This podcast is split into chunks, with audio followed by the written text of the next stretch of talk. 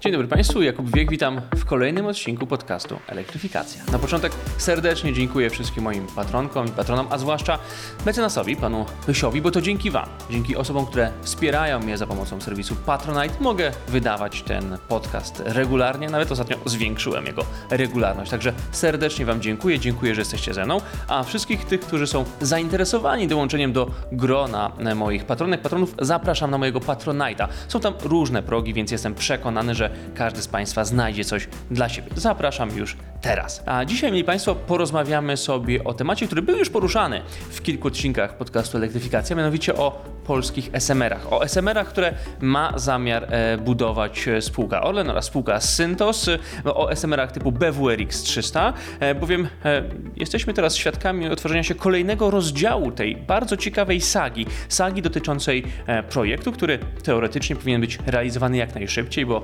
dotyczy bezpieczeństwa energetycznego państwa, bo pozwala dekarbonizować szybko przemysł, bo jest realizowany z współpra- ze współpracy e, z e, partnerami amerykańskimi, ale jednak z jakiegoś powodu ten projekt zastygł. Zastygł w bezruchu po negatywnej opinii Agencji Bezpieczeństwa Wewnętrznego i dzisiaj przyjrzymy się możliwym motywom wydania takiej, a nie innej opinii ABW. Przyjrzymy się temu dzięki wywiadowi, który został mi udzielony przez e, pana prezesa Rafała Kasprowa, szefa spółki Orlen Synthos Green Energy, która zajmuje się tym przedsięwzięciem. I proszę państwa, pan Kasprów w, w tym wywiadzie powiedział ni mniej, ni więcej to, e, że ta negatywna opinia ABW została wydana po to, by wykorzystać projekt SMR-owy do uderzenia politycznego w osobę pana prezesa Daniela Obajtka. Innymi słowy mówiąc, pan e, Rafał Kasprów e, wystosował takie jedno wielkie żakis, takie oskarżam e, pod adresem osób kierujących polskimi służbami specjalnymi. Tutaj chodzi m.in. o pana ministra Mariusza Kamińskiego, czy szefów ABW oraz CBA i powiedział, że byli go nie, y, oni gotowi złożyć projekt SMR-owy na ołtarzu po to, żeby wykonać pewien wewnętrzny manewr, pewną wewnętrzną grę polityczną w obozie PiSu. Czy to jest prawda? Czy tak faktycznie mogło być? O co w tym dokładnie chodzi? E, I czy projekt SMR-ów ma szansę na realizację? O tym w dzisiejszym odcinku. Elektryfikacja. Podcast Jakuba Wiecha o energetyce. Na początek krótki rys historyczny tego, co już wiemy na temat projektu Orlenu i Syntosu, jeżeli chodzi o SMR-y. Przede wszystkim, co to są SMR-y? SMR-y, czyli małe modułowe reaktory jądrowe, Small Modular Reactors, e, to są takie zminiaturyzowane reaktory, które e, mogą świetnie sprawdzać się jako źródło zasilania dla zakładów produ- produkcyjnych czy e, mniejszych osiedli, a nawet większych aglomeracji, jeżeli tych SMR-ów będzie trochę więcej. Te jednostki łączą w sobie teoretycznie zalety energetyki jądrowej, bo pracują w sposób stabilny i kontrolowalny oraz źródeł odnawialnych, bo są komercyjnie dostępne na przykład dla przemysłu. Mówię teoretycznie, bo tak naprawdę żaden cywilny SMR jeszcze nie działa. Funkcjonują na razie SMR-y wojskowe, które są używane na przykład w okrętach podwodnych czy w lotniskowcach, ale one mają bardzo specyficzne poziomy bezpieczeństwa, bardzo specyficzny obieg paliwa i przez to nie nadają się do skopiowania jeden do jednego do obiegu cywilnego. E, Bo otóż, proszę Państwa, taki kapitan okrętu podwodnego on potrzebuje od razu pełnej mocy takiego reaktora, żeby na przykład wykonać e, zadanie bojowe czy zrobić cokolwiek innego. Nie może czekać, aż jednostka się e, rozgrzeje i dlatego używa się tam innego paliwa o innym stopniu wzbogacenia i też inaczej wygląda obieg tego paliwa i standardy bezpieczeństwa, bo na okręcie jądrowym dostęp do reaktora mają tylko e, marynarze tego okrętu. Inaczej jest w, realiach cywilnych, gdzie trzeba byłoby no, uzbroić takie jednostki w odpowiedni system bezpieczeństwa, tak żeby one przy w miarę powszechnym i praktycznie nieograniczonym dostępie mogły pracować bezpiecznie. E, I dlatego jeszcze nie ma SMR-ów. Trwa w tym momencie, powiedzmy, kopiowanie różnych roz, rozwiązań i przenoszenie ich na grunt cywilny. E, I patrząc na dostępne projekty, no to na tym etapie najbardziej na czoło wysuwa się spółka GE Hitachi, e, koncern, który realizuje projekt SMR-owy w Kanadzie. Jeszcze do niedawna prym w tym zakresie wiodła spółka New NewScale, która swoim projektem reaktora typu Wojkry no, wiodła prym i realizowała taki projekt komercyjny w Stanach Zjednoczonych. Natomiast został on skasowany. E, Został skasowany z bardzo wymownego powodu, mianowicie chodziło tu o brak zainteresowania rynkowego e, tym przedsięwzięciem. Spółka e, potem, według informacji medialnych, poinformowała o zwolnieniu w tym roku, w roku 2024, 40% em, swojej załogi, więc no, jest to okręt, który niestety e, płynie ku niczemu dobremu. E, Natomiast e, w, inaczej rozwija się e, projekt BWRX 300, projekt realizowany, jak wspomniałem, w Kanadzie. On na razie ma się dobrze i przynajmniej takich niepokojących informacji jak te, o których słyszeliśmy w kontekście NewScale, tam, stamtąd do nas nie docierają. Natomiast z realizacją tego przedsięwzięcia, realizacją projektu SMR opartego na technologii BWRX 300 zainteresował się w roku 2017 polski miliarder i właściciel spółki Syntos Michał Sołowow. Pomyślał, że może to być dobry pomysł e, na dekarbonizację swojej produkcji, e, a przez to na zwiększenie przewag konkurencyjnych, na obniżenie kosztów związanych z emisjami i zaczął negocjacje celem pozyskania tej technologii. Wcześniej pan Sołowow e, starał się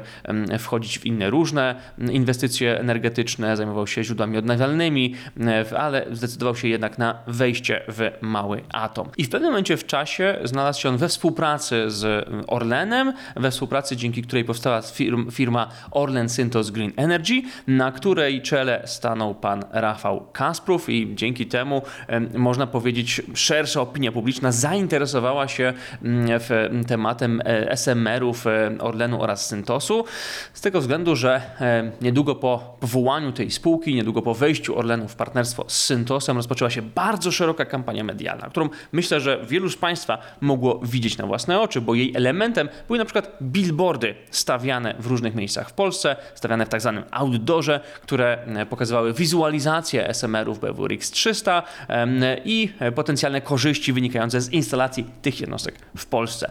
Natomiast, proszę Państwa, Orlen przypieczętował pewną swoją obecność medialną, dzięki też e, szeregowi konferencji, na których e, pan prezes Daniel Obajtek e, zaczął no, zachwalać te małe reaktory jądrowe. Mówił, że powstanie ich aż może nawet 70 w Polsce. To jest astronomiczna liczba, bo wystarczy pomnożyć sobie tę właśnie liczbę potencjalnych lokalizacji przez moc tego reaktora, czyli 300 MW.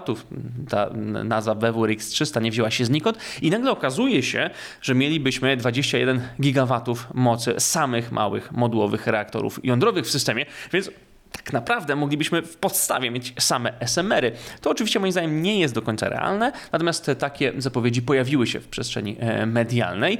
No i wszystko zdawało się układać e, w miarę pomyśli Orlenu oraz Syntosu. Na początku roku 2023 mm, zostały ujawnione pierwsze lokalizacje, dokładnie pierwsze e, Sześć lokalizacji, potem zaczęto prowadzić działania już ukierunkowane na e, budowę SMR-ów w tych właśnie wskazanych miejscach. Tam była e, w Nowa Huta, Dąbrowa Górnicza, Stawy Monowskie i jak wspomniałem, wszystko sz- szło w miarę dobrze do momentu, w którym zaczęła się pewna zwłoka.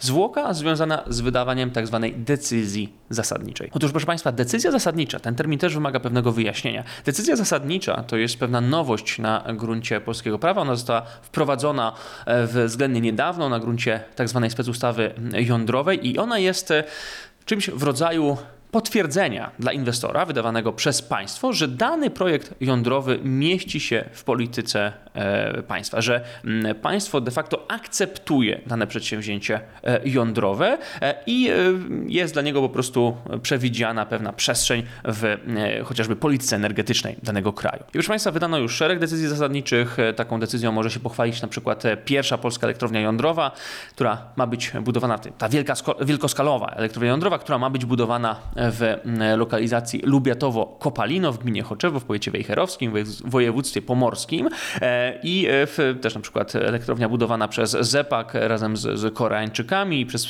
PGE razem z Koreańczykami w Wielkopolsce ma taką decyzję zasadniczą.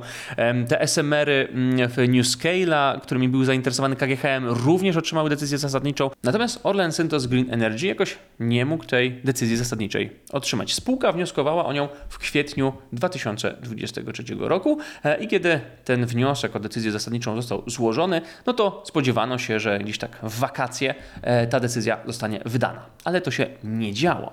E, I zaczęły się mnożyć znaki zapytania. Eksperci, komentatorzy, dziennikarze zaczynali pytać, dlaczego nie ma cały czas decyzji zasadniczej dla SMR-ów Orlenu i Syntosu. E, I proszę Państwa, pierwsze światło na tę sprawę zostało rzucone po wyborach parlamentarnych w Polsce, kiedy zmieniła się władza, kiedy e, władzę stracił obóz Prawa i Sprawiedliwości. I zyskała ją e, koalicja 15 e, października. E, i wtedy po tych wyborach, mianowicie na początku grudnia 2023 roku, w mediach pojawiła się informacja, że Agencja Bezpieczeństwa Wewnętrznego, czyli polski kontrwywiad, wydała negatywną opinię potrzebną do uzyskania tejże właśnie decyzji zasadniczej. Innymi słowy mówiąc, polski kontrwywiad stwierdził, że coś jest nie tak z projektem SMR-ów Orlenu oraz Syntosu. Co dokładnie było nie tak, tego nie wiemy, bo opinia ABW e, została utajniona. Nie, nie można było do niej e, zyskać e, dostępu i zaczęły się no, takie lawinowo zadawane pytania, mianowicie o co chodzi, gdzie jest problem. Czemu ABW decyduje się na tak radykalny krok, jaka jest, jaką jest niewątpliwie negatywna opinia. Tego mm, nie można było wyjaśnić, bo jak wspomniałem, opinia ABW była tajna, ale pomimo tej negatywnej opinii, Ministerstwo Klimatu i Środowiska w grudniu 2023 roku, a wtedy kierowała nim pani minister Anna Łukaszewska-Trzeciakowska, wydało sześć pozytywnych decyzji zasadniczych dla sześciu lokalizacji SMR-ów e, Orlenu i Syntosu. No i to już wywołało naprawdę jeszcze większą lawinę pytań, bowiem zaczęto się zastanawiać e, Dlaczego, skąd taki ruch MKiS-u, jeżeli chodzi o decyzje zasadnicze? Czy w takim razie zignorowano pewne ostrzeżenie, czy pewne negatywne wnioski e, kontrwywiadu? Co się w tym projekcie w ogóle dzieje? E, no i e, sprawa urosła do takich rozmiarów, że zajął się nią nawet swoim expose pan premier Tusk, który mm, gdzieś tam, można powiedzieć, że zbiorczo wyraził się o tym, że jest tam podejrzenie korupcji na wielką skalę. Stwierdził, że ta sprawa zostanie wyjaśniona Polakom w, w ciągu kilkudziesięciu godzin. Wielu innych polityków z tej powiedzmy nowej koalicji wypowiedziało się w bardzo podobnym tonie. Generalnie na SMR-ach Orlenu oraz Syntosu spoczęło takie odium, odium negatywnej opinii kontrwywiadu. I potem nastała w zasadzie cisza. No, jeszcze, przepraszam, dodam, że zanim ta cisza nastała, to głos zabrał pan minister Mariusz Kamiński, czyli e, koordynator służb specjalnych w rządzie Prawa i Sprawiedliwości, który powiedział, że e, ta opinia ABW została wydana na gruncie podejrzeń o możliwe naruszenie interesów Skarbu Państwa oraz Orlenu. I tutaj ta e, lakoniczna wypowiedź, lakoniczny komentarz umieszczony na e, profilu X, dawniej Twitter, pana ministra Kamińskiego, wywołał kolejne pytania, że o jakie tutaj może chodzić e, naruszenie interesów Skarbu Państwa, że dlaczego tak podchodzi do tego w kontrwywiad, o co w tym chodzi, czy tu chodzi o jakieś przepływy wewnętrzne między spółkami, które tworzą projekt SMR-owy, a może tu chodzi o jakiś inny drenaż finansowy, który zagrażał interesom Skarbu Państwa, czy o co dokładnie. Te podejrzenia się mnożyły, ale tak jak mówiłem, potem zapadła pewna cisza. E, cisza, e, która można powiedzieć była bardzo szeroka, bowiem według moich źródeł, według moich informacji dotyczyła także samej spółki Orlen Synthos Green Energy, która pozostawiała w pewnym zawieszeniu.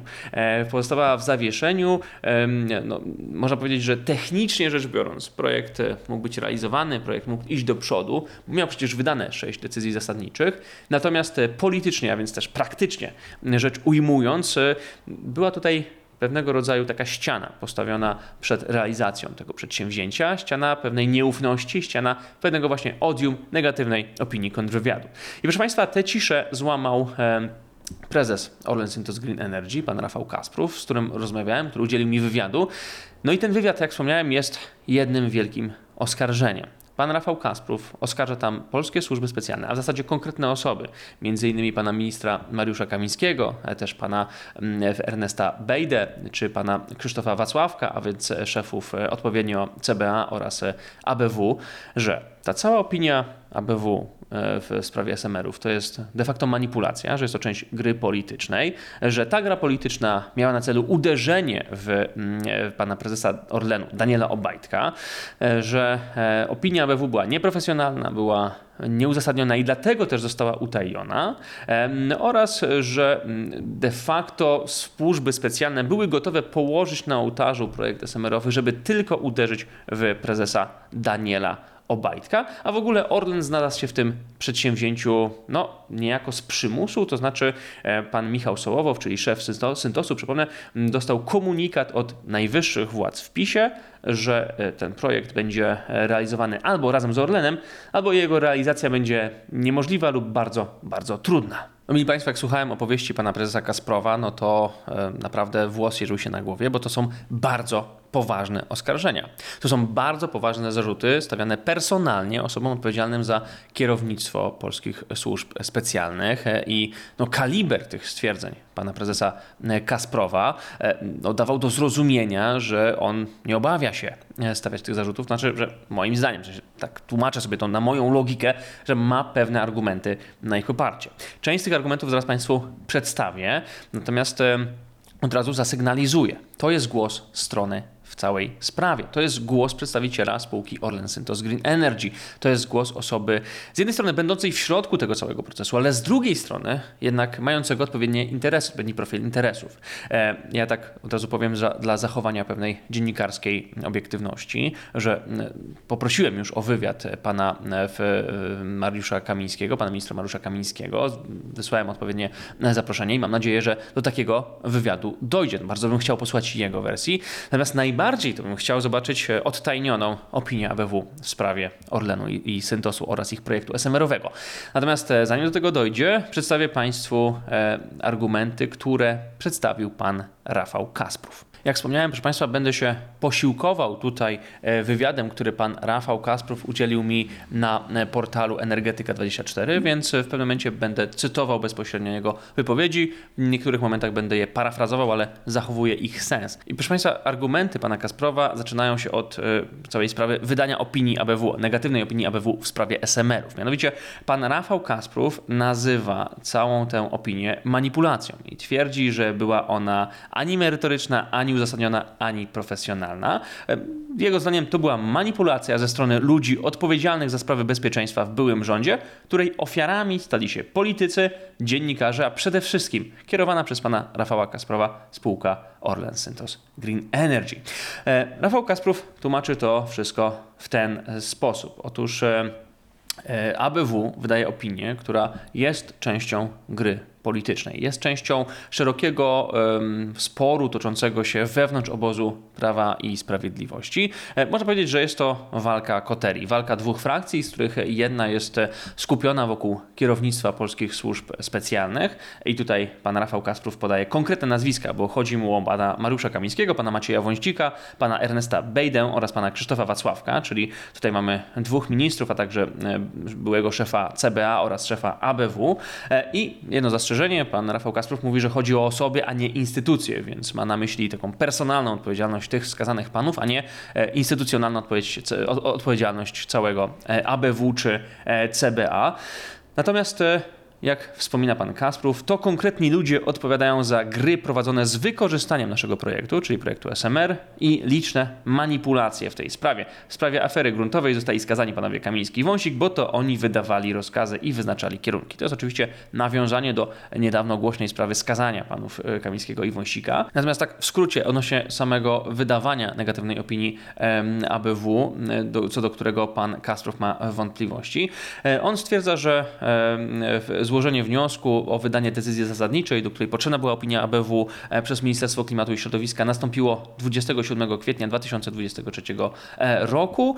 18 maja Ministerstwo Klimatu i Środowiska przekazało dokumenty do szefa ABW, którym był wtedy pan Krzysztof e, Wacławek, z prośbą o ich zaopiniowanie. I teraz pan Rafał Kasprów posiłkuje się opinią e, profesora Wierzbowskiego, specjalisty do spraw prawa administracyjnego, wskazując, że w ABW miało 90 dni na wydanie e, takiej e, opinii, no ale jednak tak się nie stało. Sprawa była przeciągana, nikt się z ABW, z Orlen Synthos Green Energy nie kontaktował i było to celowe według pana Rafała Kasprowa. Więc pan Rafał Kasprów wskazuje, że 6 września, a więc no, można powiedzieć, że prawie em, w 5 miesięcy, niecałe 5 miesięcy po złożeniu wniosku o wydanie decyzji zasadniczej, e, spółka Orlen Synthos e, Green Energy złożyła, e, złożyła e, skargę na opieszałość organu, w tym wypadku szefa ABW oraz na nieprawidłowości związane ze sposobem prowadzenia tej sprawy przez Agencję Bezpiecze- Bezpieczeństwa e, Wewnętrznego i ta skarga została przez ABW odrzucona. No więc tutaj pan Rafał Kasprów widzi w tym pewną układankę, pewną układankę dotyczącą właśnie przeciągania wydawania tej opinii kontrwywiadu w sprawie SMR-ów i jak tłumaczy to pan e, Kasprów. Otóż jego zdaniem e, szefostwo ABW celowo przeciągało tę sprawę, żeby doczekać do wyborów, żeby zobaczyć, czy e, w Polsce się zmieni, czy się nie zmieni ta konstelacja polityczna. A kiedy już doszło do wyborów 15 października, no to wtedy niedługo potem, trzy tygodnie potem, szef ABW wydaje swoją negatywną opinię. 6 listopada ma to miejsce, zdaniem pana e, Kasprowa. E, I pan Kasprow tłumaczy to tak. Szef ABW wydaje ją, kiedy było już wiadome, że w Polsce zmieni się konstelacja polityczna. Ludzie odpowiedzialni za taki przebieg sprawy wielokrotnie głośno krzyczeli, że skandalem było wydanie decyzji zasadniczej tuż przed końcem dwutygodniowego rządu. Tymczasem skrzętnie ominęli informację, że sami wydali negatywną opinię w tej sprawie już po wyborach, wiedząc, że za kilka dni zostaną odwołani ze swoich stanowisk. E, I proszę Państwa, no, z tego, z tego e, wywiadu wybrzmiewa taki e, wniosek, że de facto szefostwo ABW kierowało procesem wydawania opinii w ten sposób, żeby ewentualna decyzja zasadnicza musiała zostać wydana w ramach tak zwanego mm, rządu dwutygodniowego, czyli tego rządu, który był próbą utrzymania władzy przez e, obóz Prawa i Sprawiedliwości. Tym rządem kierował premier Mateusz Morawiecki. E, Ten rząd przetrwał właśnie dwa tygodnie do momentu głosowania nad wotum zaufania e, i w skład tego rządu wchodziła m.in. pani Anna Łukaszewska-Trzeciakowska, więc minister klimatu i środowiska. Natomiast w, no tutaj pan e, w, Kasprów wprost e, wskazuje, że przeczekano z tym do momentu, w którym sprawą decyzji zasadniczej nie mógł się zająć już stary rząd, czyli ten poprzedni rząd pana premiera Mateusza Morawieckiego, gdzie stery w Ministerstwie Klimatu i Środowiska dzierżyła pani e, Anna Moskwa. Natomiast, żeby sprawa trafiła on na tak zwany rząd dwutygodniowy. E, No i to według inter, interpretacji pana Rafała Kasprowa miało przynieść efekt w postaci politycznego uderzenia w mm, pana prezesa Daniela Obajtka. Otóż nagle kontrwywiad wydaje negatywną opinię.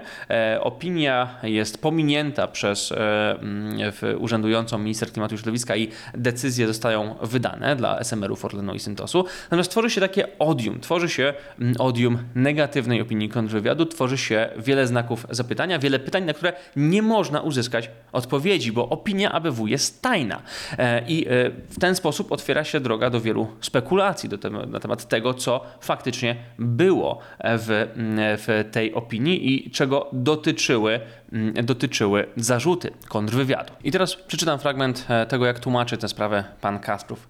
Od samego początku realizowany był przez tę grupę plan wykorzystania sprawy przeciwko Danielowi Obajtkowi. Nie jest żadną tajemnicą, że konflikt między panami Kamińskim i Obajtkiem trwał od wielu lat i miał wymiar wielopłaszczyznowy.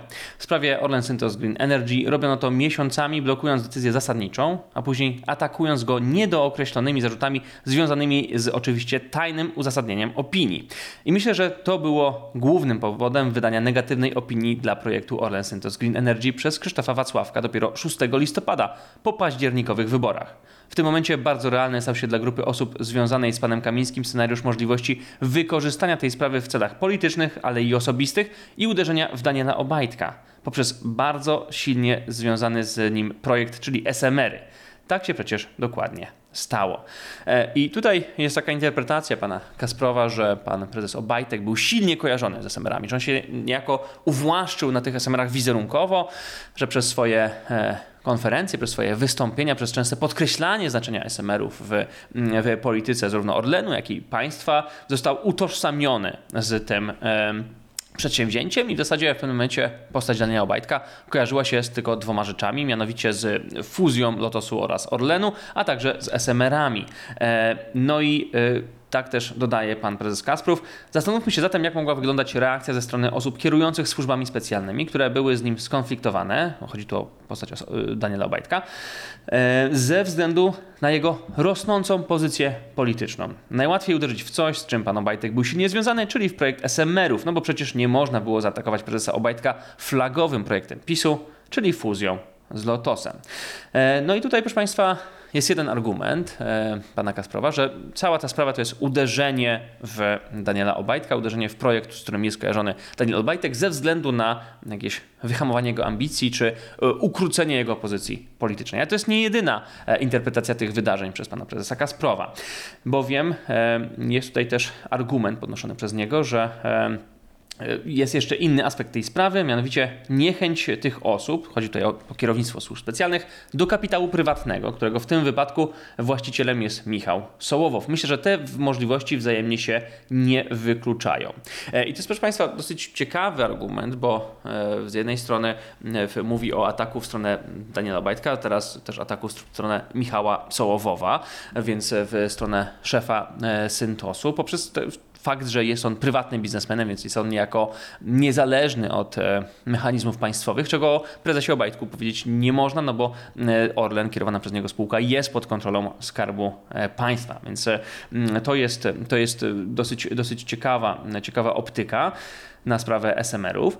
I tutaj pan Rafał Kasprow dalej swojej argumentacji tłumaczy, dlaczego wskazał akurat te osoby jako odpowiedzialne za całą sprawę. Wskazując bezpo- bezpośrednio takie osoby jak pan Kamiński i Wąsik, wspomniałem o typowych dla nich metodach działania, ponieważ mechanizmy są takie same jak przy przypadkach europosła Brejzy, wiceministra Leppera czy mecenasa Giertycha. A więc tutaj jest takie nawiązanie na przykład do e, afery e, Pegasusa i podsłuchiwania w niektórych e, polityków, które rzekomo miało mieć miejsce, jeżeli chodzi o rząd Prawa i Sprawiedliwości. No i też pan Rafał Kasprów tłumaczy się wciągnięciem na pokład osób odpowiedzialnych za sprawę negatywnej opinii e, kontrwywiadu dla Orlenu i Syntosu, e, pana e, Ernesta Bejdy, czyli byłego szefa CBA. Otóż on twierdzi, że pan Bejda popełnił, i to jest potwierdzone częściowo medialnie, taką notatkę w 2019 roku, która wskazywała, że cały projekt SMR to jest element wizerunkowy spółki Syntos, że to jest tylko projekt wizerunkowy, że on de facto nie ma na celu budowy małych reaktorów jądrowych, że jest to coś w rodzaju gigantycznego, monstrualnego PR-u pana Michała Sołowowa. E, No i tutaj pan Kasprów retorycznie pyta, że e, no jeżeli ktoś e, naprawdę tak myśli, to może się wybierze do mm, siedziby Orlen Centos Green Energy, gdzie zobaczy około 100 osób pracujących nad tym, żeby SMR-y typu BWRX 300 faktycznie znalazły zastosowanie w polskiej gospodarce i to są inżynierowie, prawnicy, e, finansiści, księgowi, którzy mają za zadanie urealnić ten projekt i zaznacza tutaj, że to nie jest e, tak, że te 100 osób to są PR-owcy pana Michała Sołowowa. No z perspektywy roku 2024, kiedy e, minęło już trochę czasu i zostało wydane sporo pieniędzy na te projekty SMR-ów, to Jest to, jest to faktycznie, no, trzeba przyznać, trudno myśleć, że jest to tylko projekt wizerunkowy, raczej, raczej nie sądzę, biorąc pod uwagę, że jest to też zaangażowany Departament Stanu USA i Departament Energii USA. Nie sądzę, żeby Amerykanie angażowali te najwyższe agendy rządowe e, swoich władz federalnych w projekt, który miałby być tylko wizerunkowy. Raczej sądzę, że Amerykanie wiedzą, co robią i prześwietlają swoich partnerów biznesowych w tego typu, e, w tego typu przedsięwzięciach. E, Natomiast, proszę Państwa, to jest e, jeszcze e, kwestia, która się pojawia, inna kwestia, która się pojawia w, w, w, tym wywiadzie a która też rzuca pewne nowe światło na te wydarzenia, to jest udział Orlenu. Bo ja w pewnym momencie pytałem pana Kasprowa, po co w ogóle Orlen był w tym przedsięwzięciu? Po co w ogóle Orlen wchodził we współpracę z Syntosem em, przy SMR-ach. No bo Syntos e, był tą pierwszą spółką, która się zajęła SMR-ami. To on pierwszy nawiązał kontakt z GE Hitachi, to on pierwszy pozyskał wyłączność na technologię BWRX 300, więc po co w ogóle Orlen w tym wszystkim? I tutaj e, pan Kasprów mówi tak. Kiedy informacja na temat tempa rozwoju projektu SMR planowanego przez Syntos Green Energy stała się publiczna, wówczas, wówczas Michał Sołowow otrzymał komunikat, że realizacja tego przedsięwzięcia bez współpracy z Orlenem będzie bardzo trudna, a właściwie to niemożliwa. I pan Kasprów na moje pytanie, skąd pochodził ten komunikat, odpowiada, że z kręgów politycznych poprzedniej ekipy, okalających najwyższe osoby w państwie. Zasygnalizowano, że budowa SMR-ów będzie możliwa tylko dzięki dostosowaniu do nich kluczowych dokumentów kształtujących politykę energetyczną Polski, a to stanie się tylko dzięki udziałowi Orlenu w całym przedsięwzięciu. Stało się więc to dla nas oczywiste, że musimy taką współpracę podjąć. Proszę Państwa, potem pada potwierdzenie ze strony pana Kasprowa, że Orlen sygnalizował właśnie gotowość do pracy na rzecz tego, żeby dostosować te mm, kluczowe dokumenty, czyli myślę, że to jest polityka energetyczna Polski, czy Krajowy Plan do, na rzecz energii i klimatu do rozwoju SMR-ów. I tutaj mam na przykład stwierdzenie, że zostało to wpisane w umowę spółki, e, więc e, to jest do łatwego sprawdzenia, bo faktycznie można prześwietlić umowę spółki, zobaczyć, czy Orlen e, zadeklarował tam prowadzenie tego typu działań, czy nie. Więc tutaj mamy, no, można powiedzieć, wysoką licytację ze strony pana prezesa Kasprowa, bo mm, używa argumentów publicznie, które są mimo wszystko z perspektywy na przykład służb specjalnych łatwo sprawdzalne, e, bo można zajrzeć do umowy spółki zobaczyć, co się tam mieści, a co się tam nie mieści. Więc e, tak skracając e, ten wątek, e, no, okazuje się, że Orlen w pewnym momencie został wepchnięty niejako do współpracy z, z, z, z e, Syntosem w, w sprawie SMR-ów ze względu na pewne, pewną informację, pewien komunikat mm, pochodzący z najwyższych władz obozu Zjednoczonej Prawicy. I potem, proszę Państwa, też pytałem pana prezesa Kasprowa o możliwe inne interpretacje tej sytuacji. Znaczy, może faktycznie kontrwywiad doszukał się czegoś w strukturze spółki, w, czy w, mm, w, samej, w, samych przepływach pieniężnych między Orlenem i Syntosem, czy innymi spółkami z tych grup, czy też e, jeżeli chodzi o, e, nie wiem, może jakieś projektowe zagrożenie dla, dla bezpieczeństwa państwa, czy pewne niemożliwości wykonania tej, e, tych, tych projektów. I pan pre- prezes Kasprów to te argumenty parował, czy w zasadzie odpowiadał na te pytania, starał się tłumaczyć. Dlaczego wszystko wygląda tak, jak- a nie inaczej w spółce, jak jest zabezpieczony interes Orlenu, jak jest zabezpieczony interes e, e, Syntosu, jak wygląda reprezentacja. E, I proszę Państwa, e, no, te argumenty mm, z mojego punktu widzenia nie wszystkie są sprawdzalne, bo ja na przykład nie mam wglądu w dokumenty korporacyjne spółki Orlen Syntos Green Energy, nie mam wglądu też w na przykład dokumenty negocjacyjne, czy w dokumenty finansowe do, po, potwierdzające pewne przepływy majątkowe między podmiotami zaangażowanymi w to przedsięwzięcie, ale to może sprawdzić kontrwywiad. Natomiast to, co jest istotne, e, moim zdaniem, to fakt, że pan Rafał Kasprów powiedział, iż e, jego spółka domaga się ujawnienia tej negatywnej opinii ABW. Znaczy, że chce upublicznienia tych e, informacji, e, na których kontrwywiad oparł swoją opinię w tej sprawie, no, e, sugerując, że gdyby jego spółka miała coś do ukrycia, to raczej by nie gotowała się tak chętnie do, e, do tego, by e, tę opinię, e, tę opinię e, odtajniać, by ta opinia ujrzała światło dzienne. I mm, też no, tutaj można powiedzieć, że mm, w, pada taka sugestia, w zasadzie mm, ten wydźwięk tych słów jest taki, że Orange Synthos Green Energy jest gotowy na wszystko, co by się miało znaleźć, znaleźć w tej opinii, tylko żeby ją od, upu- upublicznić, żeby ona ujrzała światło dzienne. Także e, no to jest znowu dosyć wysoka licytacja. Znaczy ja e, gdybym miał coś do ukrycia, to raczej nie śpieszyłbym się do tego, żeby mm, te opinie były odtajnione. Ale to jest moja interpretacja. Tak naprawdę dopóki my jako opinia publiczna nie poznamy tego, co jest zawarte w negatywnej opinii ABW, no to ta sprawa cały czas pozostaje zagadką. Bo jak przypomniałem e, Państwu na początku, to jest głos jednej ze stron. To jest głos jednej z, jednego z interesariuszy całego tego przedsięwzięcia. E, To jest pewien e, e, wyłom taki w tym milczeniu, które zapadło na temat SMR-ów. Wyłom bardzo ciekawy, wyłom, który jest takim jednym wielkim sprawdzam, ale też jednym wielkim oskarżam. I em, powiem Państwu tak na moją dziennikarską intuicję, oczywiście mogę się mylić, nie jestem wszechwiedzący, ale ta to rzucanie tymi argumentami, to bezpośrednie oskarżanie konkretnych osób, nie jakichś bardziej wyimaginowanych tworów w postaci kręgów służb specjalnych, czy najwyższych urzędników w państwie, czy e, elity władzy, tylko wskazywanie konkretnych osób, no, z mojego punktu widzenia e, ma sens tylko wtedy, kiedy ma się dobre kwity na poparcie swoich argumentów. Bo inaczej można ryzykować na przykład pozew, e, czy oskarżenia, czy cokolwiek innego, jeżeli chodzi o te smutne reperkusje prawne.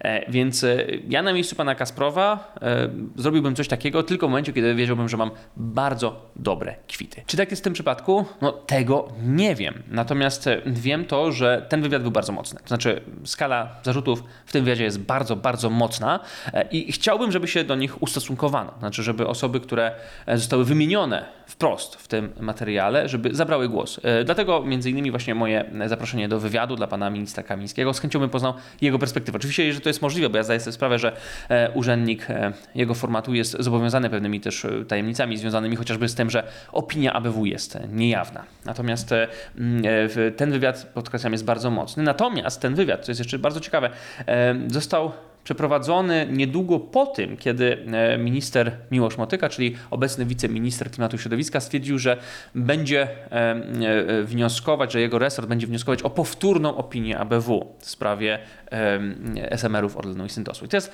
bardzo ciekawa informacja, bo można się zastanowić, co się chce uzyskać powtórną opinią ABW w sytuacji, w której de facto nie zmienił się stan faktyczny. Bo nie było żadnych roszad e, prawnych czy funkcjonalnych przy spółce Orlen Synthos Green Energy. Nie zmienił się tam jakiś układ e, interesów czy, czy podział e, pewnych kompetencji albo jakiś, jakaś struktura tej spółki. Niewiele się tam zmieniło od momentu wydania tej negatywnej opinii ABW. Więc pytanie, co chcemy osiągnąć ponownie dokonując oceny tego samego? I teraz, jak może się zachować ABW? No, intuicyjnie mogę powiedzieć, że ja na miejscu ABW wydałbym to samą, tę samą opinię, no bo inaczej może się okazać, że, że ta, ta, ta służba jakoś e, mm, w, no, straci twarz, albo nie wiem, no, będzie działała w pewnej instytucjonalnej schizofrenii. No bo proszę Państwa, no, ABW wydając e, dwie różne opinie, w zasadzie przeciwstawne można powiedzieć, w tej samej sprawie, działałaby w czymś, co mogę nazwać jakąś instytucjonalną schizofrenią. No to co, mamy jakieś dwie, dwie różne optyki na tę samą kwestię i zapytałem pana prezesa Kasprowa, czego on by e, oczekiwał po działaniach rządu i po też tej nowej opinii ABW i e, mam tutaj krótki komunikat. Chcielibyśmy, żeby ukrócono te wszystkie spekulacje. Marzy nam się jasne poparcie rządu dla projektów małych reaktorów jądrowych. Bez współpracy z państwem oraz bez normalnych stosunków z ABW nie da się wybudować nawet jednego małego reaktora jądrowego. Wymogi prawne związane z licencjonowaniem w Polsce nakładają na nas obowiązek wspólnego z ABW ustalenia zasad ochrony obiektu e, jądrowego. Proszę Państwa, e, no, to jest kolejny akt tej historii, akt, który został otwarty z wielkim hukiem. Natomiast e, to nie jest jeszcze koniec, bo mm, cały czas czekamy na reakcję polskiego rządu, cały czas czekamy na przykład na to, e, jak e, sprawę naświetli premier Donald Tusk. A sprawa mi się, że nabrzmiała już, do, dojrzała już do pewnego naświetlenia takiego dla całej opinii publicznej. Myślę, że najlepszym w tym momencie ruchem byłoby odtajnienie tej opinii ABW, żebyśmy wszyscy, my, dziennikarze, eksperci, analitycy, komentatorzy, mogli zobaczyć, jakie argumenty przyświecały polskiemu kontrwywiadowi przy wydawaniu takiej, a nie innej e, oceny tego, tego przedsięwzięcia. E, więc e, sprawa ABW jeszcze się toczy. Mili Państwo, jest jeszcze jeden ciekawy aspekt. Otóż w dniu, w którym nagrywam ten podcast, jest to poniedziałek 26 lutego, Warszawę odwiedził e, premier Trudeau, premier Kanady, e, który spotkał się z premierem Polski, panem Donaldem Tuskiem i rozmawiali oni między innymi o współpracy na polu małych, modułowych reaktorów jądrowych. To jest przecież e, ten e, aspekt współpracy, w którego obręb wchodzi projekt BWRX 300, więc ten, który chce realizować Orlen i Syntos, bo przecież w Kanadzie buduje się pierwszy komercyjny BWRX 300. No więc można sobie zadać pytanie, bo e, premier Tusk bardzo ciepło opowiedział się za współpracą SMR-ową z Kanadą. Czy w takim razie to jest zielone światło dla projektów SMR-ów Orlenu i Syntosu? Czy wycofanie się z tych pozycji dotyczących jakiegoś skandalu czy korupcji na wielką skalę w tej kwestii? To są kolejne znaki zapytania w tej sprawie, która jeszcze rok temu wydawała się bardzo prosta bardzo uporządkowana i wydawała się wieść ku e, dekarbonizacji polskiego przemysłu i oparciu się na nowych technologiach. Teraz nie wiadomo. Teraz nie wiadomo, czy takie noski się pojawią, czy e, pojawią się w danym punkcie w czasie, czy też nie, e, i też kto je zbuduje. Ta sprawa okazuje się bardziej wielowątkowa niż ktokolwiek by pomyślał. Mały atom, a wielkie problemy i wielkie pytania. I na te wszystkie problemy, na te wszystkie pytania będę starał się znaleźć zarówno recepty, jak i odpowiedzi i będę je przybliżał Państwu w kolejnych odcinkach podcastu Elektryfikacja. A dzisiaj dziękuję już Państwu za uwagę, kładam się nisko. E, Dziękuję szczególnie mocno moim patronkom, patronom, a zwłaszcza mecenasowi, panu Pysiowi. Dziękuję, że jest Pan ze mną tak długo. Jeżeli chcielibyście Państwo być wymieniani w tym szpalerze patronów, patronek czy mecenasów, zapraszam na mojego Patronite'a, a Wy followujcie mnie na YouTubie, na Spotify, Google Podcast, Apple Podcast, Instagramie, Facebooku, Twitterze czy teraz X, gdziekolwiek tylko zechcecie. Jakub Wiech, kłaniam się nisko i do usłyszenia w kolejnym odcinku podcastu Elektryfikacja. To była Elektryfikacja. Podcast Jakuba Wiecha o energetyce.